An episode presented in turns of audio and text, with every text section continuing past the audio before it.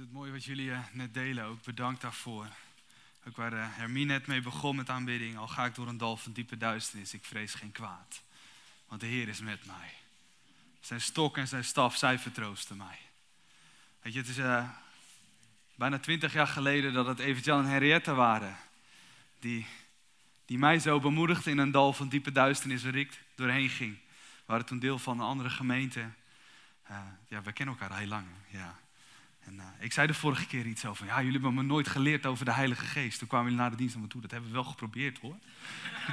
ja, het was denk ik meer mijn, ik was toen 11, 12 of zo. Maar ik ging door een dal van diepe duisternis. Maar het waren Evert-Jan en Henriette die mij opvingen.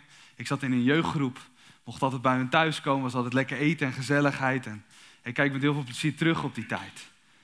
Maar soms heb je dat nodig, mensen die om je heen zijn, die je bemoedigen als je gaat door een dal van diepe duisternis.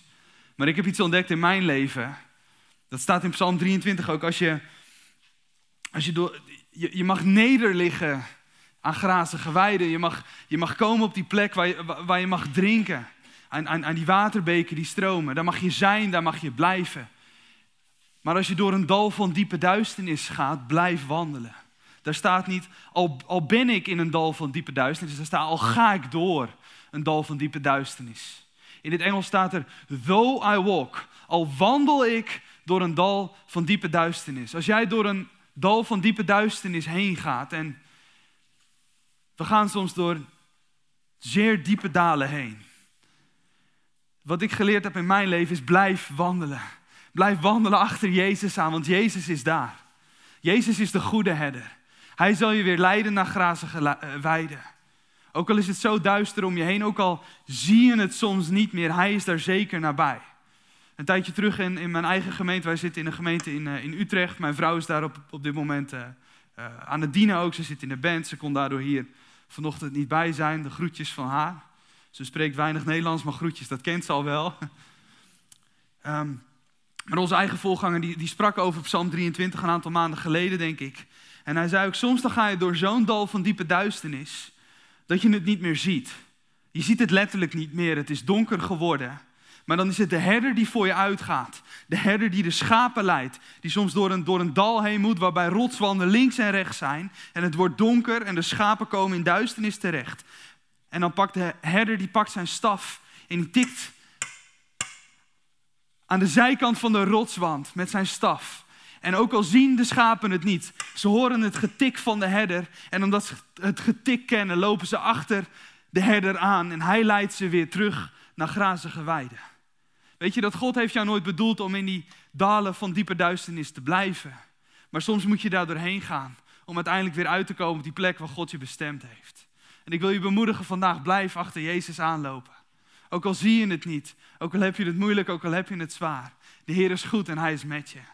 Jezus zelf heeft gezegd, ik ben met jullie al de dagen tot aan de voltooiing van deze wereld. Al de dagen is altijd, elk moment, elke, elk uur, elke minuut, elke seconde. Elke adem die je doet, Jezus is erbij, Hij is met je. Hij is met je en wij zijn met jullie ook. Het is zo mooi als je door diepe dalen heen gaat, zoek mensen om je heen op, deel het met mensen. Blijf er niet alleen mee zitten, spreek erover. Hoe moeilijk dat soms ook is. En ik geloof dat er zijn hier kringen, er zijn hier oudsten, er zijn mensen die er voor je willen zijn. Voor je willen zijn. Misschien ben je gast in deze gemeente, kom hier voor het eerst of uh, misschien voor, ben je hier nog niet zo bekend. We willen er voor je zijn. Want we geloven dat Jezus er voor jou wil zijn. Kom met je problemen, kom met je vragen. Kom met je zorgen. Ik wil gewoon voor je bidden. Als, als jij dat bent die daar doorheen gaat, ik wil je niet op laten staan. Maar ik wil gewoon voor je bidden op dit moment. Zullen we daarmee beginnen? Vader in de hemel, ik dank u voor uw heilige naam. Dank u dat u groot en machtig en waardig bent, Heer. We aanbidden u, Heer. Het is zo heerlijk om samen te komen in deze gemeente en u te zoeken. U te vinden, u te aanbidden, u groot te maken. Maar ook onze hart naar u uit te storten. Onze problemen voor u neer te leggen. Heer, en als we door dalen van diepe duisternis heen gaan, dan, dan verlangen we er zo naar dat u ons daar weer uitleidt, Heer. We weten dat u nabij bent, ook al, ook al voelen we dat niet altijd. Ik bid u nabijheid, Heer, voor iedereen die door die, die door die dalen heen gaat, Heer. Dat u laat zien dat u dichtbij bent, Heer. Wilt u tikken aan de rotswand, Heer, zodat we, dat we leiding ervaren in ons leven om er weer uit te komen, Heer. Dank u Jezus dat u betrouwbaar bent, Heer. Dat u dezelfde bent gisteren, vandaag en tot in eeuwigheid, Heer. En zoals u al zo vaak heeft getoond, Heer, dat u, dat u goed bent, Heer, geloof ik dat u dat opnieuw en opnieuw zult doen, Heer. We vertrouwen op u, we bouwen op u. Wees nabij, Heer, in Jezus' naam. Amen.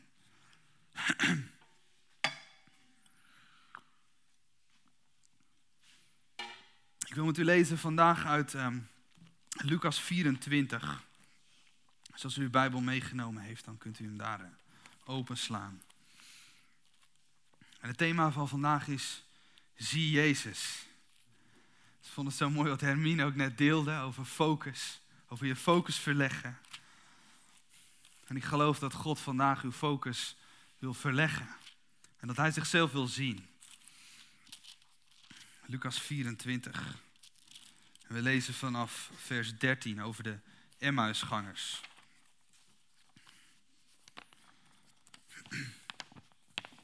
En ik lees uit de herziene statenvertaling. Lucas 24 vanaf vers 13. En zie, twee van hen gingen op diezelfde dag naar een dorp dat 60 stadien van Jeruzalem verwijderd was. En waarvan de naam Emmaus was. En zij spraken met elkaar over deze dingen die gebeurd waren. En het gebeurde terwijl ze met elkaar spraken en van gedachten wisselden, dat Jezus zelf bij hen kwam en met hen meeliep. Maar hun ogen werden gesloten gehouden, zodat ze hem niet herkenden. En hij zei tegen hen: Wat zijn dit voor gesprekken die u al lopend met elkaar voert? En waarom ziet u er zo bedroefd uit? En de een van wie de naam Cleopas was, antwoordde en zei tegen hem: Bent u als enige een vreemdeling in Jeruzalem, dat u niet weet welke dingen daar in deze dagen gebeurd zijn? En Jezus zei tegen hen: Welke dan? En zij zeiden tegen hem: De dingen met betrekking tot Jezus de Nazarener, die een profeet was, machtig in werken en, in, en woorden voor God en heel het volk. En hoe onze overpriesters en leiders hem overgeleverd hebben om hem te dood te veroordelen en hem gekruisigd hebben. En wij hoopten dat hij het was die Israël zou verlossen. Maar al met al is vandaag de derde dag sinds deze dingen gebeurd zijn. Maar ook hebben sommige vrouwen ons uit, uit ons midden, die vroeg in de morgen bij het graf geweest zijn, ons versteld doen staan. En toen zij zijn lichaam niet vonden, kwamen zij zeggen dat ze zelfs een verschijning van engelen gezien hadden, die zeiden dat hij leeft. En sommige van hen, die bij ons waren, gingen naar het graf en troffen het ook aan, zoals de vrouwen gezegd hadden. Maar ze zagen hem, maar hem zagen zij niet.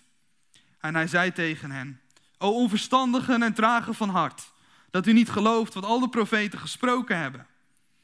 Moest de Christus dit niet leiden en zo in zijn heerlijkheid ingaan? En hij begon bij Mozes en al de profeten en legde hen uit wat in al de schriften over hem geschreven was. En zij kwamen dicht bij het dorp waar ze naartoe gingen en hij deed alsof hij verder zou gaan. En zij drongen er bij hem op aan en zeiden, blijf bij ons, want het is tegen de avond en de dag is gedaald. En hij ging naar binnen om bij hen te blijven. En het gebeurde toen hij met hen aan tafel lag, dat hij het brood nam en het zegende. En toen hij het gebroken had, gaf hij het aan hen. En hun ogen werden geopend. En zij herkenden hem, maar hij verdween uit hun zicht. Tot zover. Zie Jezus is vandaag het thema. En we sluiten straks af met avondmaal aan het einde van de boodschap.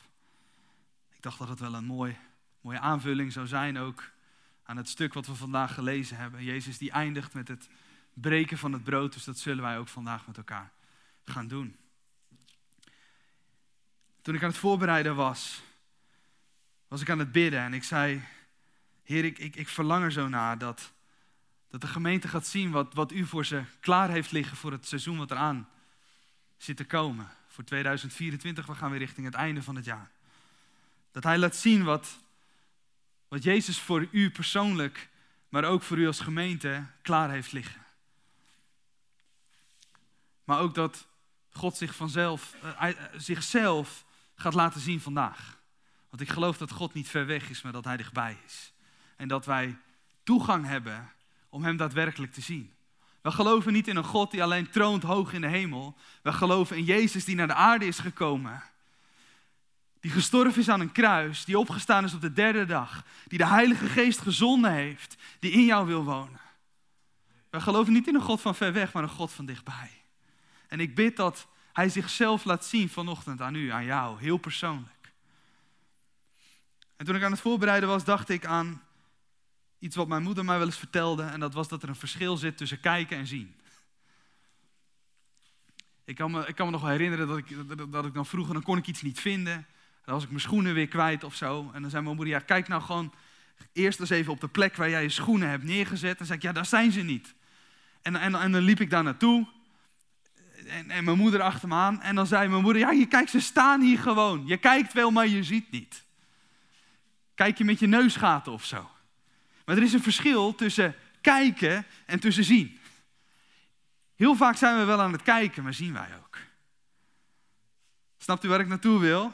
Kijken is het waarnemen van iets en zien is weten wat er wordt waargenomen.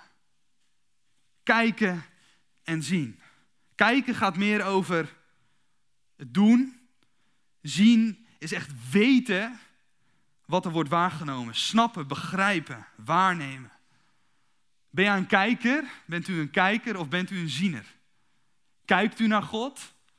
Of heeft u Jezus echt gezien? Heeft u God gezien? de Bijbel leert ons dat we God kunnen zien. En dan zou je kunnen zeggen, ja maar hoe dan? God is zo groot, hij is almachtig. Hij is waardig, hij is de schepper van hemel en aarde. En toch die grote God die alles gemaakt heeft. We mogen hem recht in zijn ogen aankijken. We mogen Hem zien, we mogen Hem aanschouwen. Als van aangezicht tot aangezicht. Alsof Hij vlak voor ons staat, mogen wij Hem recht in zijn gezicht zien. En Jezus zegt zelf in Johannes 14, vers 9: Wie mij heeft gezien, heeft de Vader gezien. Als je God wil zien, kijk naar Jezus. Kijk naar Hem. Jezus die mens geworden is. Jezus die 100% God was, is 100% mens geworden. En we kunnen Hem zien, we kunnen Hem aanschouwen. We kunnen Hem recht in zijn ogen aankijken. Hebreeën 9 spreekt over uh, de tempel, waar uh, de hoge priester één keer per jaar naar binnen mocht gaan.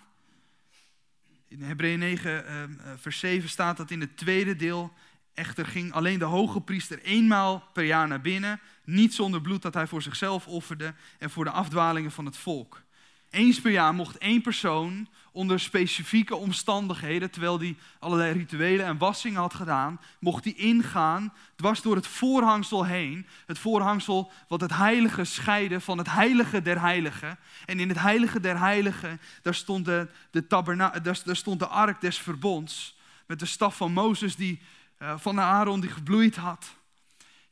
En dan mocht de hoge priester mocht eenmaal per jaar ingaan in de heerlijkheid van God. Dat was de plek waar God woonde op dat moment. En daar kon de hoge priester God zien. Hij mocht in zijn aanwezigheid zijn, zou je kunnen zeggen. Ze mochten bij elkaar zijn. Maar dat is niet meer. Want toen Jezus aan het kruis hing, toen riep, toen riep hij nogmaals met een luide stem, hij gaf de geest. En zie het voorhangsel van de tempel scheurde in tweeën, van boven naar beneden. En de aarde beefde en de rotsen scheurden. Het was alsof God er zo klaar mee was dat hij in een doosje moest wonen, in de tempel, in de tabernakel. En dat er maar één persoon onder specifieke omstandigheden één keer per jaar in zijn aanwezigheid mocht ingaan. En hij zei met Jezus het lam wat geslacht is, wat nooit gezondigd heeft. Die het perfecte leven geleid heeft. Die de beloning krijgt om voor eeuwig bij mij te zijn. Ik vermoord hem. Hij sterft. Ik ben er zo klaar mee dat ik, dat ik niet meer bij mijn volk kan zijn. Maar nu, de weg is open. De weg is gebaand, de steen is weggerold en de toegang is vrij. We kunnen weer bij Hem komen. We kunnen bij Jezus komen door het bloed en het lam alleen. En Jezus zegt, God zegt, ik scheur dat voorhangsel van boven naar beneden, dat scheur ik open, want de weg is open. Zullen wij ingaan vandaag, op dit moment, in de aanwezigheid van de Heer? Zullen we met Hem zijn vandaag, want de weg is open. We hoeven niet meer te wachten op die dag dat we voor eeuwig met Hem zullen zijn in de hemel. We kunnen op dit moment vandaag, wat is het vandaag, 3 december, 2 december, 3 december. We kunnen ingaan in de heerlijkheid van God en we kunnen Hem zien. Hij wil jou ontmoeten vandaag. Wil jij Hem ontmoeten vandaag? Wil jij Hem zien?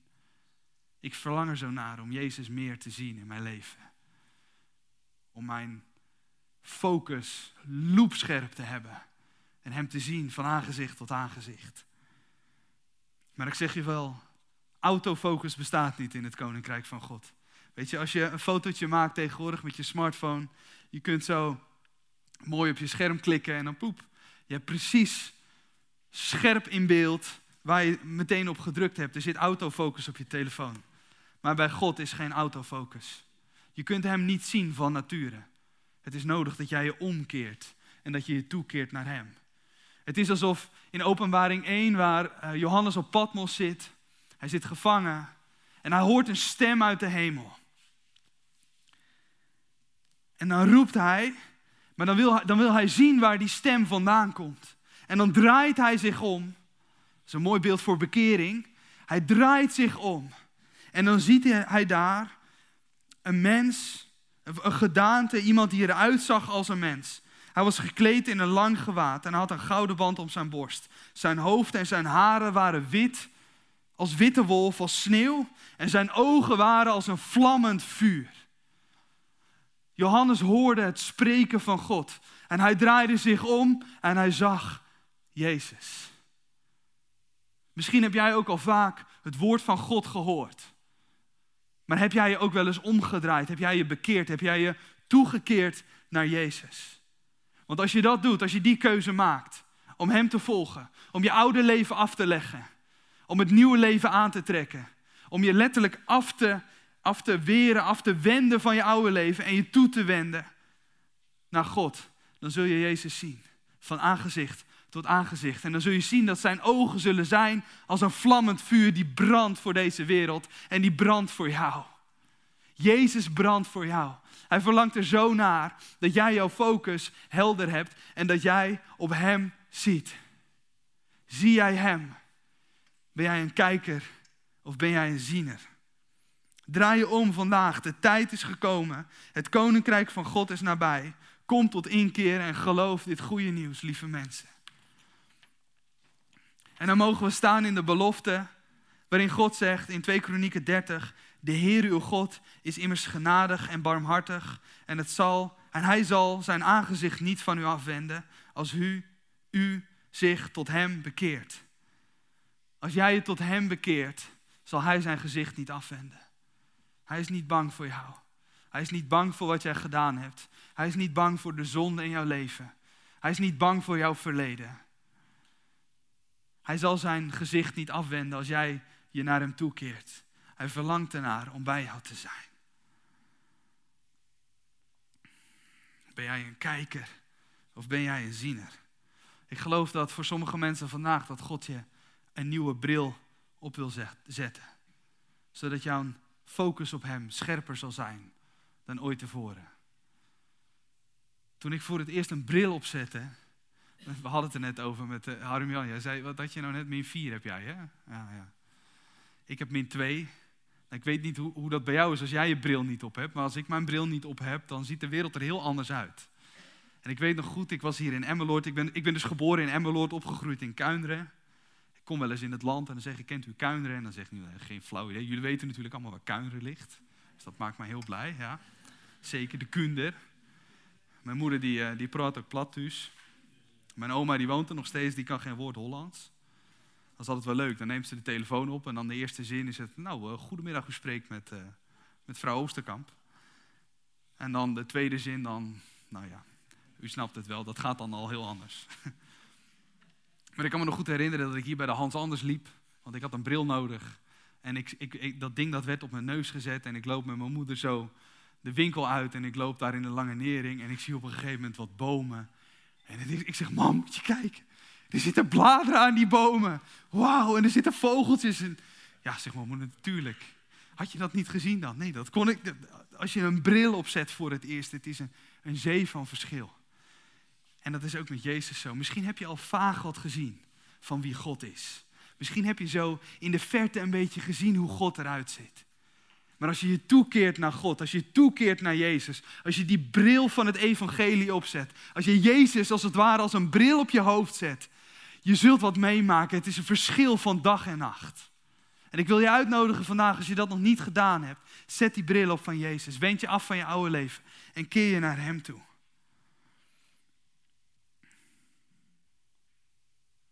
Ik had drie punten opgeschreven waarom het soms zo kan zijn, waarom we Jezus niet kunnen zien. De Emmausgangers, Cleopas en nog een andere persoon waren op weg naar Emmaus. Het kan zomaar zijn dat je onderweg bent naar iets, maar dat je zo druk bent dat je niet eens doorhebt dat Jezus gewoon naast je is gaan wandelen. Hoe heftig is dat? Mijn eerste punt waar ik aan dacht was, je bent te druk, kom tot rust. De Emmausgangers die waren zo druk om te praten over Jezus, dat ze niet eens herkenden dat Jezus gewoon naast hun aan het wandelen was.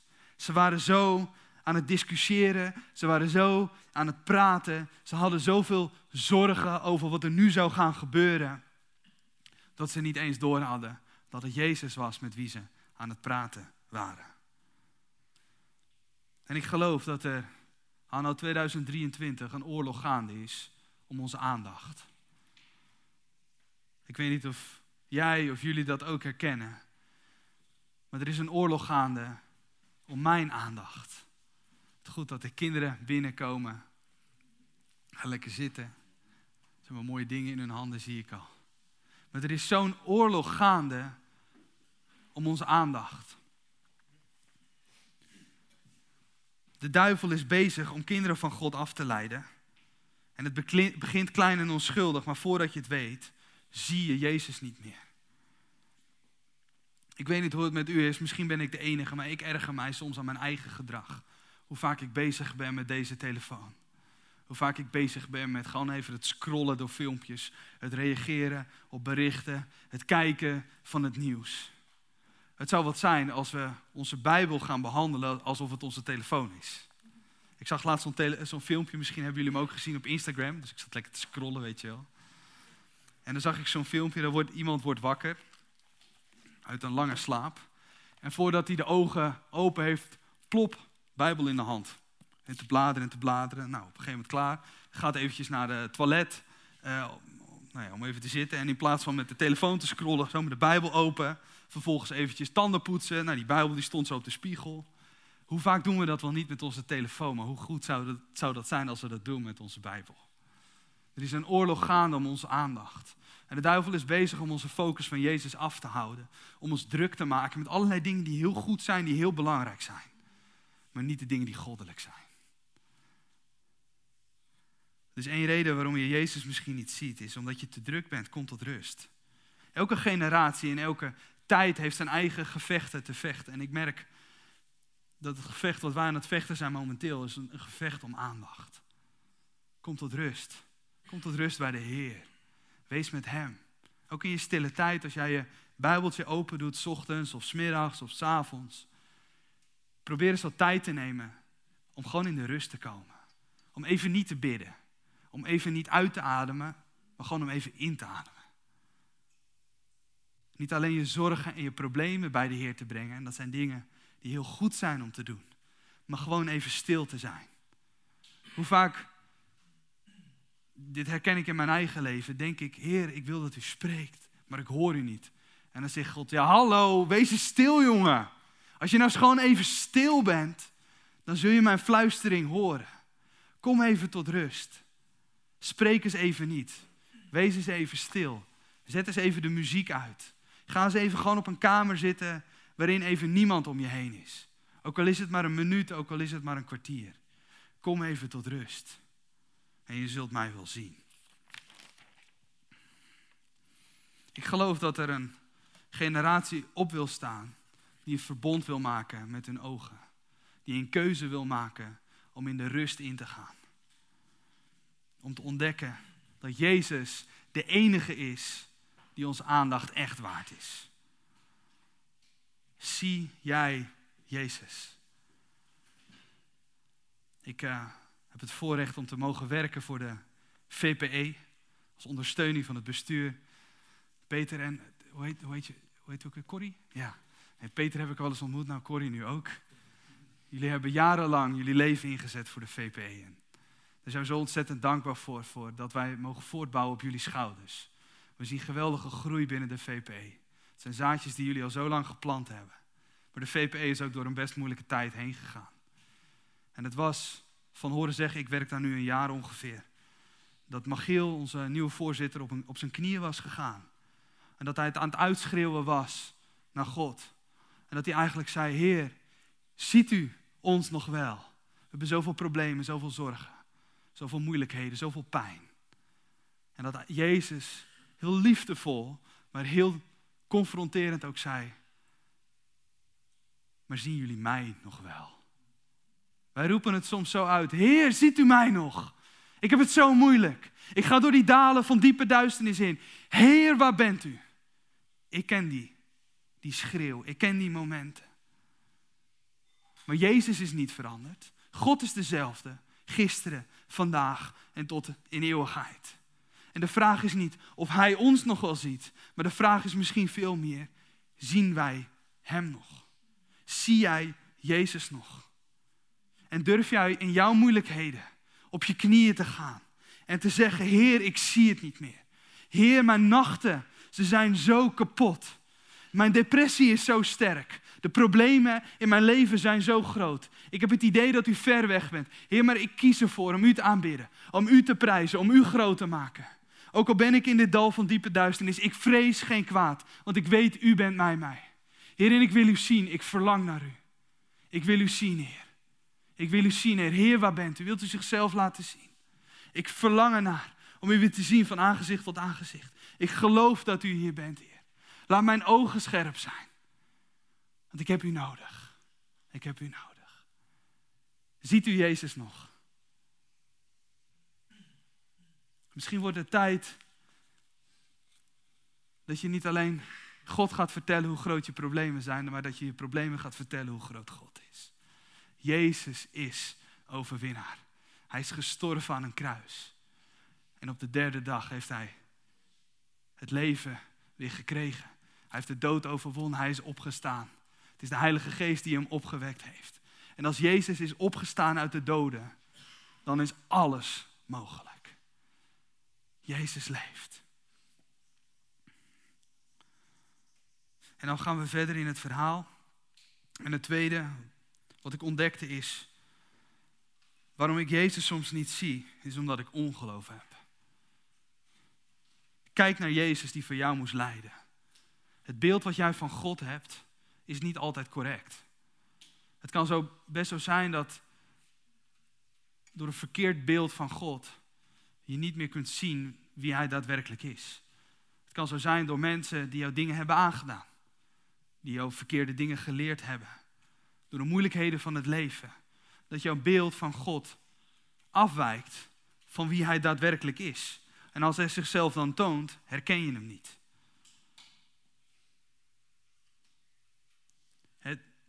als Jezus spreekt over het, over het horen van zijn stem, dan zegt hij ook dat de schapen zijn stem herkennen. Waarom? Omdat zij in zijn aanwezigheid geweest zijn. Als jij veel in aanwezigheid van God bent geweest, dan begin jij zijn stem te herkennen. En zoals het met schaapjes ook zo, als de herder dagelijks tot de schapen aan het spreken was, die schapen die herkenden de stem van de herder. Hoe vaker jij met God bent, hoe beter jij zijn stem leert verstaan. Maar dat is een proces waar je doorheen moet. En het beeld van, van wie God is en wie hij daadwerkelijk is, dat kan uit elkaar liggen. En Jezus zegt dat hier ook. Want de Emmausgangers die, die spreken op een gegeven moment tegen een persoon, van wie ze later pas ontdekten dat het Jezus was. En Jezus stelt vragen van, nou ja, uh, heb je het niet gehoord dan van wat er nu gebeurd is? Uh, beginnen ze dan te antwoorden op de vragen van Jezus. En eigenlijk lezen we hieruit dat, dat het beeld wat deze Emmausgangers hadden van wie Jezus zou zijn, wie de Messias zou zijn, de verlosser van de wereld, dat dat een andere persoon zou zijn dan die Jezus die ze gezien hadden. Ze haalden niet door dat Jezus daadwerkelijk aan een kruis moest sterven. Zij wisten, de Messias, dat zal een koning zijn die Israël zou verlossen. Zij dachten dat Jezus, dat, dat, dat de verlosser een koning zou zijn, die op een aardse troon zou gaan zitten, die zou gaan regeren, die de leider van de wereld zou worden. En alle problemen, alle onderdrukking waar de Israëlieten op dat moment doorheen gingen, zou wegnemen. Zij dachten, eindelijk is er iemand die gaat het juk van deze, van deze onderdrukking wegnemen en we zullen weer in vrijheid leven. fysieke vrijheid. Maar Jezus is niet een koning die gaat zitten op een aardse troon. Jezus is een koning die gaat zitten op een hemelse troon. En om daar terecht te komen, moest hij sterven en moest hij lijden. En dan spreekt Jezus zelf in vers 25. O onverstandige en trage van hart, dat u niet gelooft wat al de profeten gesproken hebben. Moest de Christus dit niet lijden en zo in zijn heerlijkheid ingaan? En toen begon Jezus uit te leggen bij Mozes en al de profeten. En hij legde hun uit wat er in de schriften over hem geschreven was. Ik weet niet hoe het met u, zit, maar ik, ik zou daar wel bij geweest willen zijn. Jezus zelf die de schriften opent. Die de boeken van Mozes, Genesis, Exodus, Leviticus, Numeri, Deuteronomium. Die, die, die de profeten opent, Jesaja, Jeremia. En ik kan me zo, ik zat zo te, te mijmeren. Welke teksten zou Jezus dan gelezen hebben? Om die Emmausgangers te laten zien. Ja, maar hé, hey, hallo. Die Jezus die je aan het kruis gezien hebt, dat was de verlosser. Dat is de verlosser. En hé, hey, hier ben ik, ik ben het. Zie je het nou nog niet? En Jezus die opent de schriften en ik zat zo na te denken, misschien heeft Jezus al gesproken over Genesis 22. Over het offer van Abraham. God die tot Abraham had gesproken dat hij op een, op, een op een latere leeftijd nog een zoon zou krijgen. En dat hij de vader van vele volken genoemd zal worden. Zijn naam werd ook veranderd van Abram naar Abraham. Wat betekent vader van vele volken, iets in die trant. En voor jaren en jaren moest hij zeggen, ja, maar ik heet nu Abraham. Nee, niet meer Abraham, ik ben nu vader van vele volken. Terwijl hij had geen enkele zoon, geen enkele dochter. Iedereen heeft hem uitgelachen. Ja, jij vader van vele volken, jij, jij man zonder kinderen. Wat dacht je nou? Maar hij wist, God heeft tot mij gesproken. En, en misschien heeft Jezus het hier wel over gehad, dat, dat Abraham uiteindelijk de belofte Isaac op het altaar moest leggen. Dat ze samen de berg op gingen met een bos hout op zijn rug, wat een prachtig beeld van Jezus die het kruis op zijn rug moest dragen. En dat, dat hij zijn zoon op het altaar legde om het te offeren. Maar dat God zelf in een offer zal voorzien. En dat Jezus zegt, hey, snap je dit nu? Dit ging niet over een vader en een zoon. Dit ging over de hemelse vader en de zoon des mensen, over mij. Of misschien heeft Jezus al Psalm 22 gelezen. Mijn God, mijn God, waarom hebt u mij verlaten? Bent u ver van mijn verlossing, van de woorden van mijn jammerklacht? Jezus die aan het kruis het uitschreeuwde, mijn God, mijn God, waarom hebt u mij verlaten? En dat hij zegt, hé, hey, moet je kijken, dat stond al in Psalm 22. En verder in Psalm 22, want honden hebben mij omsingeld. Een horde kwaaddoeners heeft mij omgeven. Ze hebben mijn handen en mijn voeten doorboord. Zie je het nou niet? De schriften spraken over die Jezus die aan een kruis moest sterven. Of Jesaja 52. Zie, mijn knecht zal verstandig handelen. Hij zal verhoogd worden en verheven. Ja, zeer hoog verheven worden. Zoals velen zich over u ontzet hebben, zo geschonden was zijn gezicht. Meer dan van iemand anders. En zijn gestalte meer dan van andere mensenkinderen. Of misschien heeft u wel Jesaja 53 gelezen, waarin dit staat. Wie heeft onze prediking geloofd? En aan wie is de arm van de Heere geopenbaard? Want hij is als een lood opgeschoten voor zijn aangezicht. Als een wortel uit dorre aarde. Gestalte of glorie had hij niet. Als wij hem aanzagen, was er geen gedaante dat wij hem begeerd zouden hebben. Hij was veracht de onwaardigste onder de mensen. Een man vol smarten, bekend met ziekte. En als iemand voor wie men het gezicht verbergt. Hij was veracht en wij hebben hem niet waardig geacht. Voorwaar, onze ziekte heeft hij op zich genomen. Ons leed heeft hij gedragen. Wij hielden hem echter voor een geplaagde, door God geslagen en verdrukt. Maar hij is om onze overtredingen verwond, om onze ongerechtigheden verbrijzeld. De straf die ons de vrede aanbrengt was op hem en door zijn striemen is er voor ons genezing gekomen. Ik geloof dat Jezus dit soort teksten heeft voorgelezen. Hé hey, Emmausgangers, zie je het niet? De geschriften spreken over mij. Het is alsof Jezus het wilde schreeuwen. Zie je mij nou nog niet? Waarom zijn je ogen gesloten? Doe ze open en focus je op mij. Want ik ben het. Ik ben het, de koning der koningen, de Heer der heerscharen. Ik ben de grote ik ben. En Jezus bewees vanuit het Oude Testament dat Hij de Messias was, de Zoon des Mensen. Dus de eerste reden waarom je soms God niet kunt zien is, je bent te druk om tot rust. En het tweede is, dat het beeld van God soms niet klopt van wie hij daadwerkelijk is. Eens kijken hoe ik het opgeschreven had, want ik had een mooie zin bedacht. Je hebt ongeloof. Kijk naar Jezus die voor jou moet lijden. Kijk naar Hem. Lees je Bijbel en ontdek. Het is zo belangrijk, mensen. Ik had het vanochtend met Jeria over, over het, het, het verstaan van, Gods stem. Wie verlangt eraan om Gods stem te horen? Halleluja. Wie leest er elke dag zijn Bijbel? Ja, hier kijken al heel veel handen, maar minder. Weet je, wij verlangen er zo naar en ik wil niet een oordeel over je uitspreken. Ik probeer ook elke dag mijn Bijbel te lezen en ik heb ook dagen dat ik oversla. Ik zou dat niet moeten doen, maar het gebeurt. Maar als wij Gods stem willen verstaan, als wij bij ons in de kerk profetische diensten houden, man, de zaal die puilt uit, we moeten stoelen bijzetten. Mensen zitten op de tribune, het is, het is barstensvol. En dan staat die profeet vooraan en mensen weten niet hoe snel ze naar voren moeten komen als die profeet gaat profiteren en woorden van God gaat spreken. En om eerlijk te zijn, dat heb ik ook. Dan zit ik in zo'n zaal en dan begint zo'n een, een, een, profeet, een door, door God aangestelde man, die begint dan te zeggen, ja, hey, uh, wil jij even staan? Ik geloof dat God zegt en dan heel scherp woord. En dan wil ik eigenlijk zo van, hier ben ik, kies mij, spreek ook over mij iets uit. Of ben ik de enige die dat heeft? Nee, nee, nee. Maar als je het verlangen hebt om Gods stem te verstaan, duik Gods woord in. Duik Gods woord in. Bid gewoon. Heilige Geest, ik geloof dat u spreekt.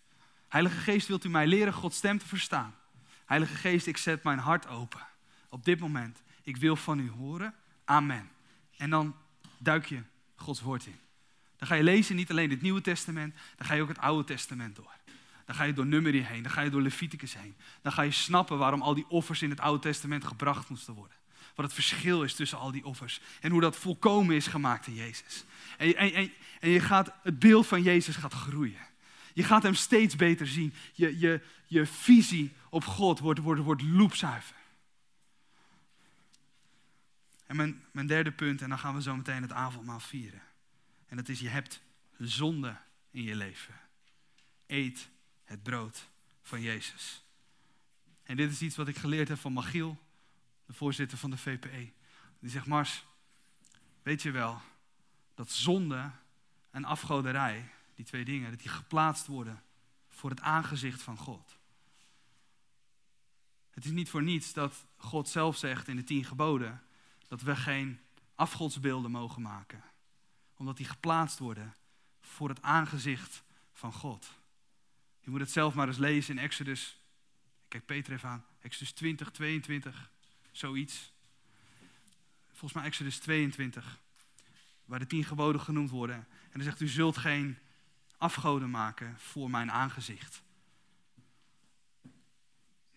En het was zo'n besef voor mij dat als wij zonde hebben in ons leven, dan plaatsen wij als het ware iets tussen God en tussen ons in. En dan kun je heel hard je best doen om God te willen zien. Maar zo gauw je die zonde hebt in je leven, wordt je zicht op God daadwerkelijk geblokkeerd. Maar Jezus wil die blokkade 100% wegnemen. Het is niet door eigen werken, het is niet door eigen streven. Het is door Jezus alleen dat die blokkade van zonde weggenomen wordt. En dat wij volledig toegang hebben tot de Vader en wij Hem weer kunnen zien. Je hebt zonde in je leven. Eet het brood van Jezus. Jezus legde de schriften uit aan de Emmersgangers. En toen kwamen ze dicht bij het dorp waar ze naartoe gingen. En Jezus deed alsof hij verder wil gaan. Waarom deed Jezus dat? Jezus dwingt zichzelf nooit aan jou op. Jezus breekt niet jouw deur open en zegt, nou vandaag ga ik bij jou eten hoor. Ik ga bij jou aan tafel zitten. En Jezus wil graag uitgenodigd worden. Weet je, sommige mensen zitten wel eens te wachten op dat Jezus inbreekt. Nou, misschien wordt het tijd dat jij de deur open doet, zodat hij met jou aan tafel kan gaan. Het vergt eerst een actie van jou. En dan zie je dat Jezus al lang zoveel dingen voor jou gedaan hebt en dat jij niet de eerste stap heeft gezet, maar dat heeft hij gedaan. Want hij hield eerst van jou, waardoor jij van hem kunt houden. Hij is eerst gestorven aan een kruis, waardoor jij vergeving kunt ontvangen. Maar het vergt een actie van jou. Dat jij jouw deur openzet. Dat jij hem uitnodigt aan tafel. Jezus wil dat jij hem uitnodigt. En Jezus deed alsof hij verder zou gaan. En de Emmausgangers, zij drongen bij hem op aan en zei, blijf bij ons. Want het is tegen de avond en de dag is gedaald. En Jezus ging naar binnen om bij hen te blijven. Zullen wij aanhoudend bidden, Heer, blijf bij ons. Heer, kom bij ons aan tafel. Als we zometeen het avondmaal vieren, als wij het brood nemen, als wij de wijn, de druivensap drinken, dan verkondigen wij de dood van Christus. Maar dan nodigen wij Jezus aan tafel. Ik vind dat zo mooi aan de, aan de katholieken. Die geloven ook echt als ze dan de Eucharistie nemen, als ze het brood nemen, dat ze letterlijk fysiek het, het lichaam van Christus eten. wij geloven in, in de profetische werking van, van wat wij hier doen, het symbool. En, en, ik vind dat zo mooi dat, je, dat als het ware Jezus daadwerkelijk naast je komt zitten. We gaan met Hem aan tafel. Maar wij moeten Hem eerst uitnodigen. En Jezus gaat met de Emmausgangers aan tafel. En toen hij met hen aanlag, gebeurde het dat hij het brood nam. Jezus nam het brood. Hij zegende het. En toen hij het gebroken had, dan gaf hij het aan hen. En hun ogen werden geopend. Misschien is het moment waarop jij, jouw ogen geopend worden, het moment waarop jij zometeen het brood tot je neemt. Ik wil je uitnodigen om het brood zometeen tot je te nemen. En als je dat doet, om je ogen te sluiten. En ik geloof dat God je geestelijke ogen zult openen. Een reden waarom je soms God niet ziet, is omdat je zonde in je leven hebt. Het wordt tijd dat je je bekeert, dat je je afkeert van je oude leven. Dat je je toekeert naar het nieuwe leven. En wat is een mooiere manier dan te doen, dan het avondmaal te vieren. Jezus die voor ons gebroken is. Het bloed wat voor ons uitgestort is. Wat jou schoon wil wassen. Wat jou rein wil maken. Wat jou volledig wit wil maken, witter als sneeuw. Het is alleen het bloed van Jezus wat schoon wast. Je kunt het zelf proberen. Je kunt het uit eigen kracht proberen te doen. Je kunt uit eigen kracht je leven op orde proberen te maken. Maar ik kan u vertellen uit eigen ervaring, het is alleen door het bloed van Jezus. Kunnen we amen op zeggen? Oké, amen. Nog één tekst die ik met u wil lezen. Waaraan ik moest denken afgelopen week toen ik aan het voorbereiden was. En dat is een tekst uit 1 Petrus 5.